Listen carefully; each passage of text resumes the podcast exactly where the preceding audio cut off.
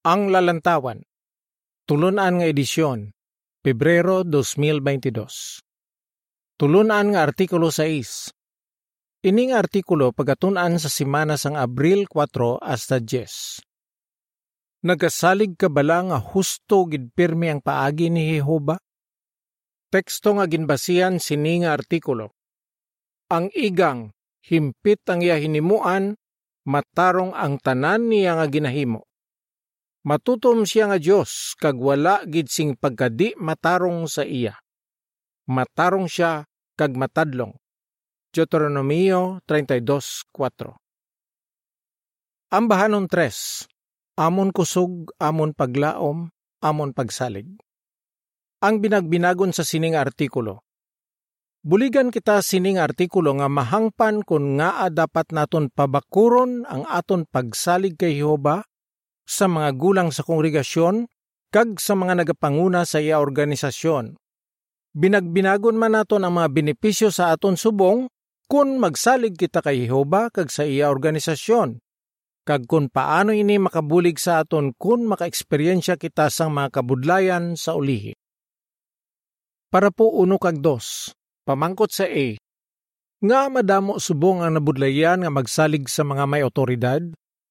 Pamangkot sa B. Ano ang binagbinago naton sa sining artikulo? Subong, madamo ang nabudlayan nga magsalig sa mga may otoridad. Natalupang danila nga ginapaboran sa mga gobyerno kag sang mga kasuguan ang mga manggaranon kag mga may impluensya pero ginabali wala sini ang mga imol. Husto gid ang ginasiling sang Biblia. Ginagamhan sang tao ang iya isig katao sa iya kahalitan. Manugwali 8.9 hindi man maayong ginahimo sang pila ka leader sang mga reliyon. Gani may mga tao nga wala na nagasalig sa Dios. Kung may gina-Bible study kita, dapat naton siya buligan nga magsalig kay Jehova sa mga gulang kag sa mga nagapanguna sa iya organisasyon. Hindi lang ang mga Bible study ang dapat magpabakod sang ila pagsalig kay Jehova kag sa iya organisasyon. Bisan pa tinuig na kita nga nagaalagad kay Jehova, hindi gid dapat madula ang aton pagsalig nga ang paagi ni Jehova amo ang pinakamaayo. Kung kaisa, may mga sitwasyon nga posible magtilaw sang aton pagsalig kay Jehova. Sa sining artikulo, binagbinago naton ang tatlo ka sitwasyon nga posible magtilaw sang aton pagtuo. Una, kung nagabasa kita sang pila ka kasaysayan sa Biblia. Ikaduha, kung makabaton kita sa mga instruksyon halin sa organisasyon ni Jehova. Kag ikatlo, kung makaeksperyensya kita sang mga kabudlayan sa ulihi. Magsalig kay Jehova kung nagabasa ka sang Biblia. Para po tres, pamangkot. Paano posible matilawan ang aton pagsalig kay Jehova kung nagabasa kita sang pila ka kasaysayan sa Biblia? Samtang ginabasa nato ng pulong sang Dios, posible nga may mga pamangkot kita parte sa ginhimo ni Jehova sa pila ka tawo kag parte sa pila niya ka desisyon. Halimbawa, sa libro sang Numeros, mabasa naton nga nagsiling si Jehova nga dapat patyon ang isa ka Israelinhon nga nagapangahoy sa adlaw nga inugpahuway. Mabasa naman naton sa ikaduhang Samuel nga pagligad sang madamo nga tinuig ginpatawad ni Jehova si Hari David sang nagpakigilahi siya kag may ginpapatay nga tawo.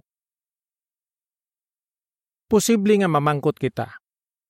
Nga agin patawad ni Jehova si David sang nagpakigilahi siya kag may ginpapatay nga tawo pero nga agin silutan niya sang kamatayon ang tao nga nakahimo sang daw indi man seryoso nga sala.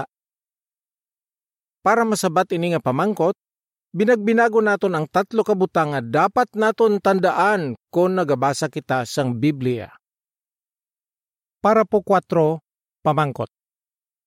Paano mapabakod sang Genesis 18:20 kag 21 kag Deuteronomio 10:17 ang aton pagsalig sa mga desisyon ni Jehova? Indi sa tanan nga tion kompleto ang detalye sang isa ka kasaysayan sa Biblia. Halimbawa, Kabalo kita nga sincero gid nga naginulsol si David sa iya mga nahimo. Pero ano naman ang panimot sang tao nga naglapas ang kasuguan parte sa adlaw nga nagpahuway? Naginulsol bala siya sa iya nahimo? May nalapas na bala siya sadto nga mga kasuguan ni Jehova? Ginpaandaman na bala siya sang una pero ginbali wala niya ini ukon wala niya ginpati. Wala sing ginasiling ang Biblia parte sa sini. Pero makasigurado kita nga wala gid sing pagkadi matarong kay Jehova. Deuteronomio 32:4. Hindi siya pareho sa mga tao kung nagadesisyon siya. Sa masami, nagadesisyon ang mga tao base sa ulo istorya lang, base sa ila negatibo nga pagtanaw sa iban, o kon base sa iban pangarason. Bangod sini, makahimo sila sang hindi husto nga mga desisyon. Pero lain si Jehova Ginabasi niya ang iya mga desisyon sa kun ano gid ang matuod nga natabo. Ang Henesis 18:20 kag 21 nagasiling. Dayon nagsiling si Jehova.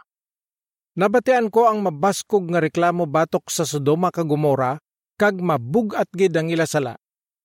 Manaog ako agud tanawon kun bala matuod o kun indi ang reklamo nga nakalabot sa akon kag kun bala malaot gid ang ila ginahimo. Luyag ko mahibaluan ini. Ang Deuteronomio 10.17 nagasiling, Kay si Jehova nga inyo Dios amang Dios sa mga Dios, kag ang ginoo sa mga ginoo, ang Dios nga halangdon, gamhanan, kag makahalawhaw, nga wala sing ginapasulabi kag wala nagabaton sing hamham. Samtang nagadamo nga to nabalaan parte kay Jehova kag sa iya mga kasuguan, mas magasalig pagid kita sa iya mga desisyon. Bisan pa hindi masabat subong ang aton mga pamangkot parte sa isa ka kasaysayan sa Biblia, bastante na ang aton nabalaan parte sa aton Dios para makumbinsi kita nga matarong ang tanan niya ginahimo. Salmo 145:17 Para po 5 Pamangkot. Bangod hindi kita perpekto, ano kung kaisang pagtanaw naton sa isa ka sitwasyon? Bangod hindi kita perpekto, may mga tion nga hindi husto ang aton pagdanaw sa isa ka sitwasyon. Gintuga kita sang Dios suno sa iya larawan. Gani gusto gid naton makita nga ginatratar sing husto ang mga tao. Pero bangod hindi kita perpekto, posible nga sala ang pagtanaw naton sa isa ka sitwasyon bisan paabi naton na balaan naton ang tanan nga detalye. Halimbawa, naakigid si Hunas sang nagdesisyon si Jehova nga kaluuyan ang mga taga Ninive. Pero anong resulta bangod naluoy si Jehova sa ila? Naluwas ang sobra 120 mil kataga Ninive nga sinsero nga naghinulsol. Gani, husto gid ang desisyon ni Jehova. Pero dapat tadlungon ang panghuna-una ni Hunas. Ari ang dugang nga impormasyon. Bangod hindi kita perpekto, may mga tion nga daw hindi naton maintindihan ang desisyon ni Jehova. Bangod hindi kita perpekto, may mga tion nga mas istrikto kita sang sa kay Jehova o kung posible nga palampason naton ang sala nga hindi pwede palampason ni Jehova. Gani posible nga kwestiyonon naton ang paagi ni Jehova.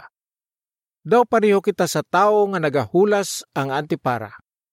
Bisan paggrabe ang iya panikasog para makita niya sing maayo ang isa ka butang, posible nga buron gihapon ini sa iya pananawan. Singka ang gid, may mga tion nga daw hindi naton maintindihan ang paagi ni Jehova bangod hindi kita perpekto. Ang aton pananaw among may diferensya, hindi ang pananaw ni Jehova. Balik sa artikulo. Para po sa is, pamangkot. Nga hindi obligado si Jehova nga ipatag sa aton ang iya mga desisyon. Hindi obligado si Jehova nga ipatag sa mga tao ang iya mga desisyon. Gintugutan ni Hobang iya mga alagad sang una, nga isugid sa iya ang ila ginabatsyag parte sa mga desisyon nga iya ginimo o kon pagahimuon pa lang. Kagun ka isa, ginapatag niya ang iya desisyon. Pero hindi obligado si Jehova nga ipatag sa aton ang iya mga desisyon. Bangod siya ang aton manunuga, hindi niya kinanglan maglisensya sa aton antes siya magdesisyon kag hindi niya kinanglan mamangkot sa aton kun bala husto o kun hindi ang iya ginhimo. Magsalig kay Jehova kung makabaton ka sa mga instruksyon. Para po siyete, pamangkot. Ano ang posible nga nabudlayan naton nga himuon kag ngaa? Nagapatigid kita nga perme ginahimo ni Jehova kung ano ang gusto. Pero posible nga nabudlayan kita nga magsalig sa mga tao nga gintangdo niya nga magpanguna. Kung may ginapatuman ang mga utod nga may otoridad sa organisasyon ni Jehova, posible nga magduwa-duwa kita kung bala amugid din ang panoytoy ni Jehova o kung basi sila lang ang naghimo sini. Posible nga amuman sini ang ginhuna-una sang pila ka tawo nga nagkabuhi sang panahon sang Biblia. Binagbinaga ang mga limbawa sa parapotres. Sang ginsilutan sing kamatayon ng tao nga naglapas sang kasuguan parte sa adlaw nga inugpahuway, posible nga may parentes siya nga naghuna-una kung bala namangkot gid man si Moises kay Yoba parte sa sini. Kagsang nakasala si David sang pagpakigilay sa asawa ni Urias nga hethanon, Posible nga may abyan si Urias nga nagunauna ang gingamit ni David ang iya posisyon bilang hari para hindi siya pagsilutan sing kamatayon. Ang matuod, nagasalig si Jehova sa magintangdo niya nga magpanguna sa iya organisasyon kag sa kongregasyon. Gani kung wala kita nagasalig sa sini nga mga utod, hindi naton masiling nga nagasalig kita kay Jehova.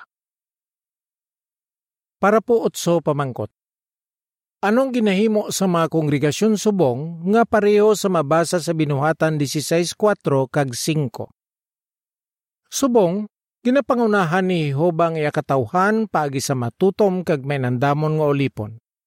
Mateo 24.45 Pareho sa nagadumala nga hubon sang unang siglo, ini nga olipon amo ang nagatatap sang katawan sang Dios sa bilog nga kalibutan kag sila ang nagahatag sa mga instruksyon sa mga gulang sa kongregasyon. Ang binuhatan 16.4 kag 5 nagasiling. Samtang nagalakbay sila sa mga syudad, ginapalinton nila sa mga kauturan ang dapat tumanon nga mga pagsulundan nga ginpamaturan sa mga apostoles kag sang mga gulang sa Jerusalem. Gani, padayon nga nagligon sa pagto ang mga kongregasyon, kag nagdugang ang ila kadamuon adlaw-adlaw. Ginasigurado sang mga gulang nga matuman sang mga kongregasyon ini nga mga instruksyon. Mapakita naton nga nagasalig kita sa paagi ni Jehova kung ginatuman naton ang mga instruksyon halin sa iya organisasyon kag sa mga gulang.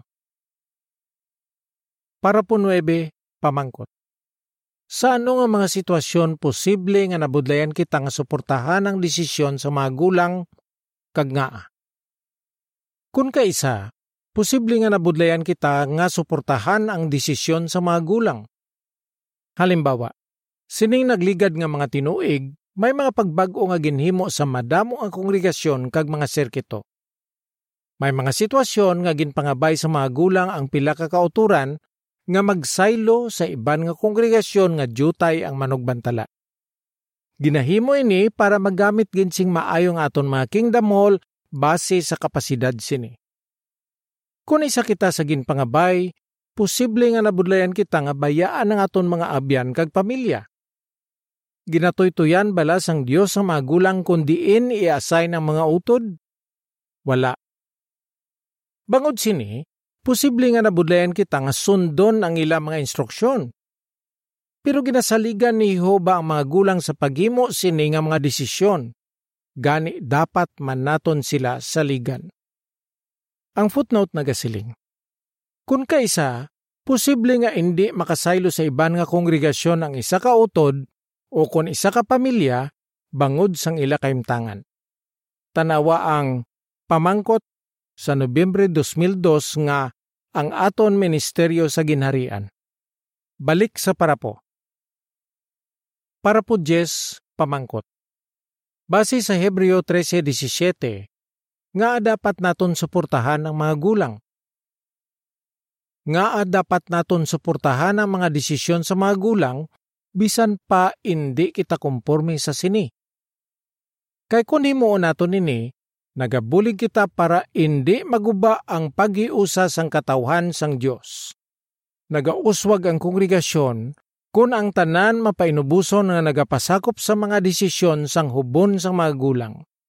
Ang Hebreo 13.17 nagasiling, Mangin matinumanon sa mga nagapanguna sa inyo, kag mangin mapinasakupon, kay ginabantayan nila kamo subong nga sila ang manabat, agud himuon nila ini nga may kalipay kag wala nagapangahayhay kay makahalit ini sa inyo. Kagang mas importante, ginapakita naton kay Jehova nga nagasalig kita sa iya kung suportahan naton ang magintangdo niya nga mag-atipan sa aton. Para po onse, pamangkot. Paano naton mapabakod ang aton pagsalig sa mga instruksyon nga ginahatag sa mga gulang? Paano naton mapabakod ang aton pagsalig sa mga instruksyon nga ginahatag sa mga gulang? Dumdumo naton nga nagapangamuyo sila nga buligan sila sang balaan nga espiritu kung may himuon sila nga mga desisyon nga makaapekto sa kongregasyon. Ginabinagbinag Manila sing maayo ang mga prinsipyo sa Biblia nga makabulig sa ila.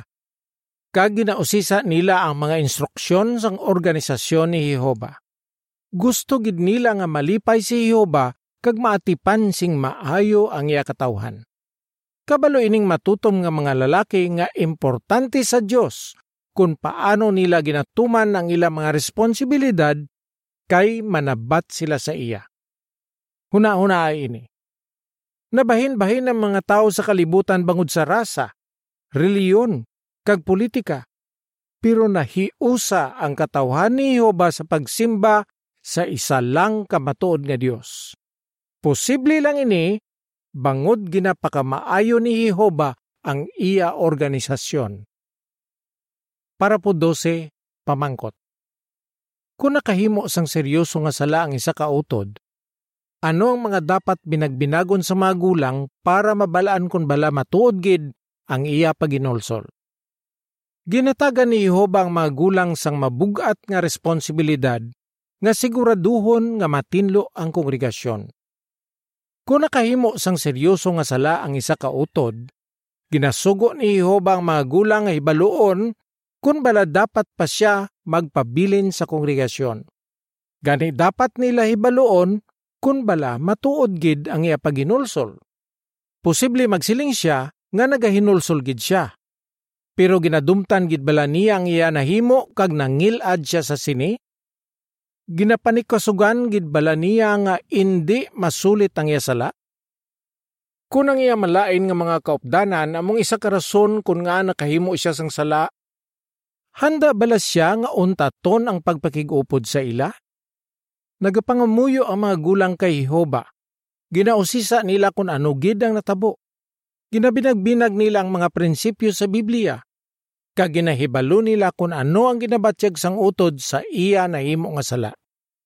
Dayon nagadesisyon ang mga gulang kung bala dapat magpabilin sa kongregasyon ang utod nga nakasala o kung dapat siya i-disfellowship. Para po 13, pamangkot. Ano ang posible nga hunahunaon naton kung na-disfellowship ang aton suod nga abyan o kung paryente?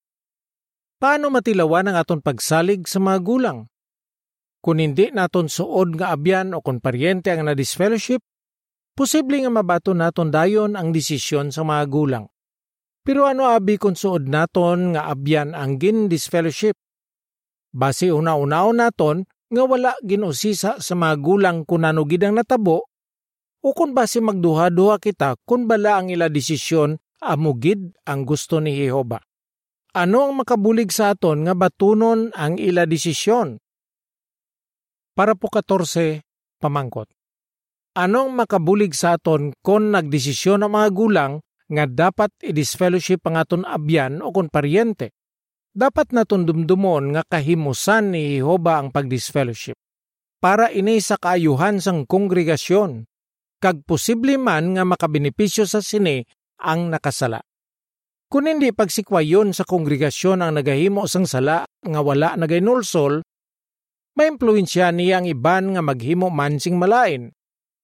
Posible nga hindi man niya marealisar kung daw ano kaseryoso ang iya sala, kag hindi siya magpanikasog nga bag-uhon ang iya panguna-una kag mga ginahimo para mangin maayo liwat ang iya kang tanan kay Jehova. Kung kinahanglan magdesisyon ang mga gulang kung bala i-disfellowship o kung hindi ang nakasala, makasalig kita nga ginaseryoso gid nila ini nga responsibilidad.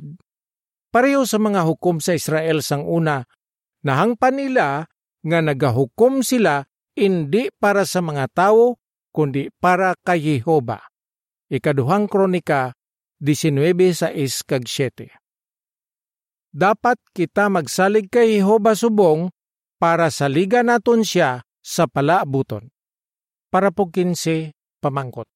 Nga dapat gid naton saliga ng mga instruksyon ni Jehova subong.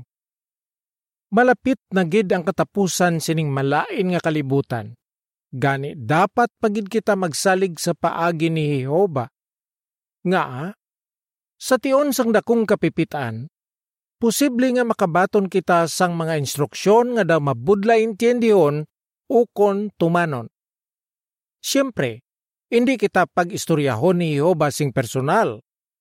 Posible gid nga gamiton niya nga maghatag sa mga instruksyon ang mga gintangdo niya nga magpanguna.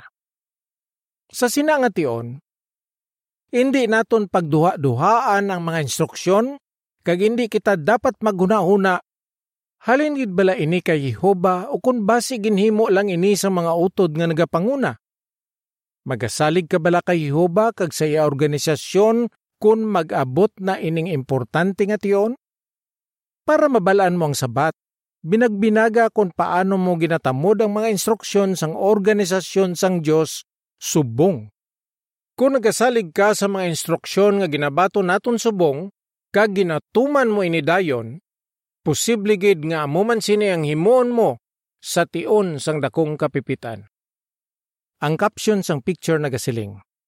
Sa tion sang dakong kapipitan, ano ang makabulig sa aton nga saligan kag tumanon ang mabaton naton nga mga instruksyon. Para po 16 pamangkot.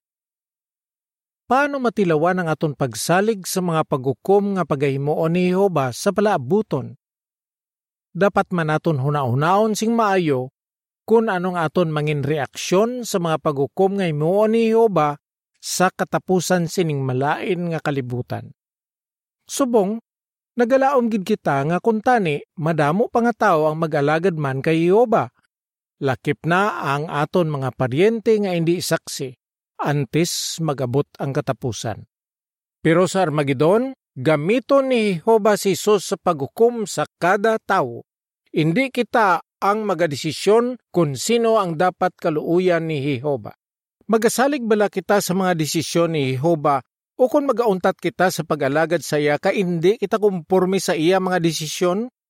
Gani, dapat gid naton pabakuro ng aton pagsalig kay Jehova subong para sa liga naton siya sing bugos sa palaabuton para po 17 pamangkot. Ano ang maayo nga mga resulta kung himuon na ni Jehova ang iya mga paghukom sa katapusan sining malain nga kalibutan? Imagine ako na anong aton mabatyagan sa bagong kalibutan sang Dios kung makita na naton ang resulta sang mga paghukom ni Jehova. Wala na sang butig nga reliyon, kag wala na sang makagod nga mga negosyo kag kurap nga mga gobyerno nga nagapabudlay kag nagapaantos sa mga tao. Wala na sang magamasakit, magatigulang, kag wala na sang mapatay sa aton mga pinalangga. Gapuson si Satanas kag ang mga demonyo sa sulod sang isa ka libo ka tuig. Ang tanan nga malain nga resulta sang ila pagrebelde, madula na. Sa sinangation, magapasalamat gid kita, bangod nagsalig kita sa paagi ni Jehova para po 18 pamangkot. Base sa numeros 11.4 hasta 6 kag 21.5, ano ang matun-an naton sa ginhimo sa mga Israelinhon? Sa bagong kalibutan sang Dios, may mga kabudlayan bala nga magatilaw sa aton pagsalig sa paagi ni Jehova? Binagbinaga ang natabo sa mga Israelinhon. Wala madugay pagkatapos sila ginhilway sa Ehipto, nagreklamo ang pila sa ila Nahidlaw sila sa preska nga mga pagkaon sa Ehipto, kagintamay nila ang mana nga ginhatag sa ila ni Jehova. Ang numeros 11.4 hasta sa is nagasiling. Ang mga dumulong sa tunga nila dalok-dalok kag naghandom sila sing luya gid nila kaunon. Kag pati ang mga Israelinhon naghibi liwat kag nagsiling. Sinong magahatag sa aton sing karne nga kaunon naton? Nadumduman gid namon ang isda nga ginakaon namon sa Ehipto nga wala sing bayad. Ang mga pipino, ang mga sandiya, ang mga sibuyas, kag ang mga ahos. Apang karon, nagapalang luya na kami. Wala na kami sing makita kundi puro lang mana. Ang numeros 21.5 nagasiling. Naghambal ang katawhan batok sa Dios kag kay Moises. Nga agin pagwa pa ninyo kami sa Ehipto agud lang mapatay sa kamingawan. Wala sing kalanon kag wala sing tubig kag nalaina nagid kami sa sining talamayon nga tinapay. Posible ay han nga magreklamo man kita pagkatapos ang dakong kapipitan?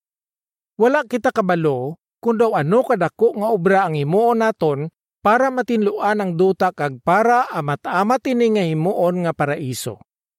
Posible gid nga madamo kita sang dapat himuon sa umpisa kag mabudla ini.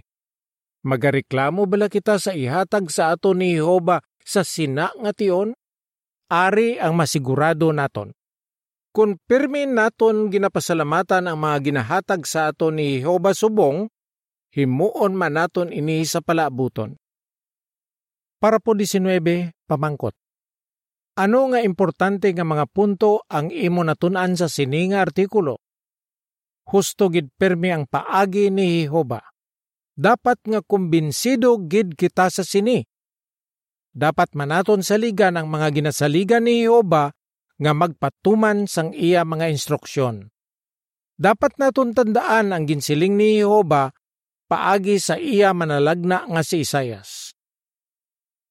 Mangin mabakod kamo, kung magpakalinong kamo kag magsalig sa akon.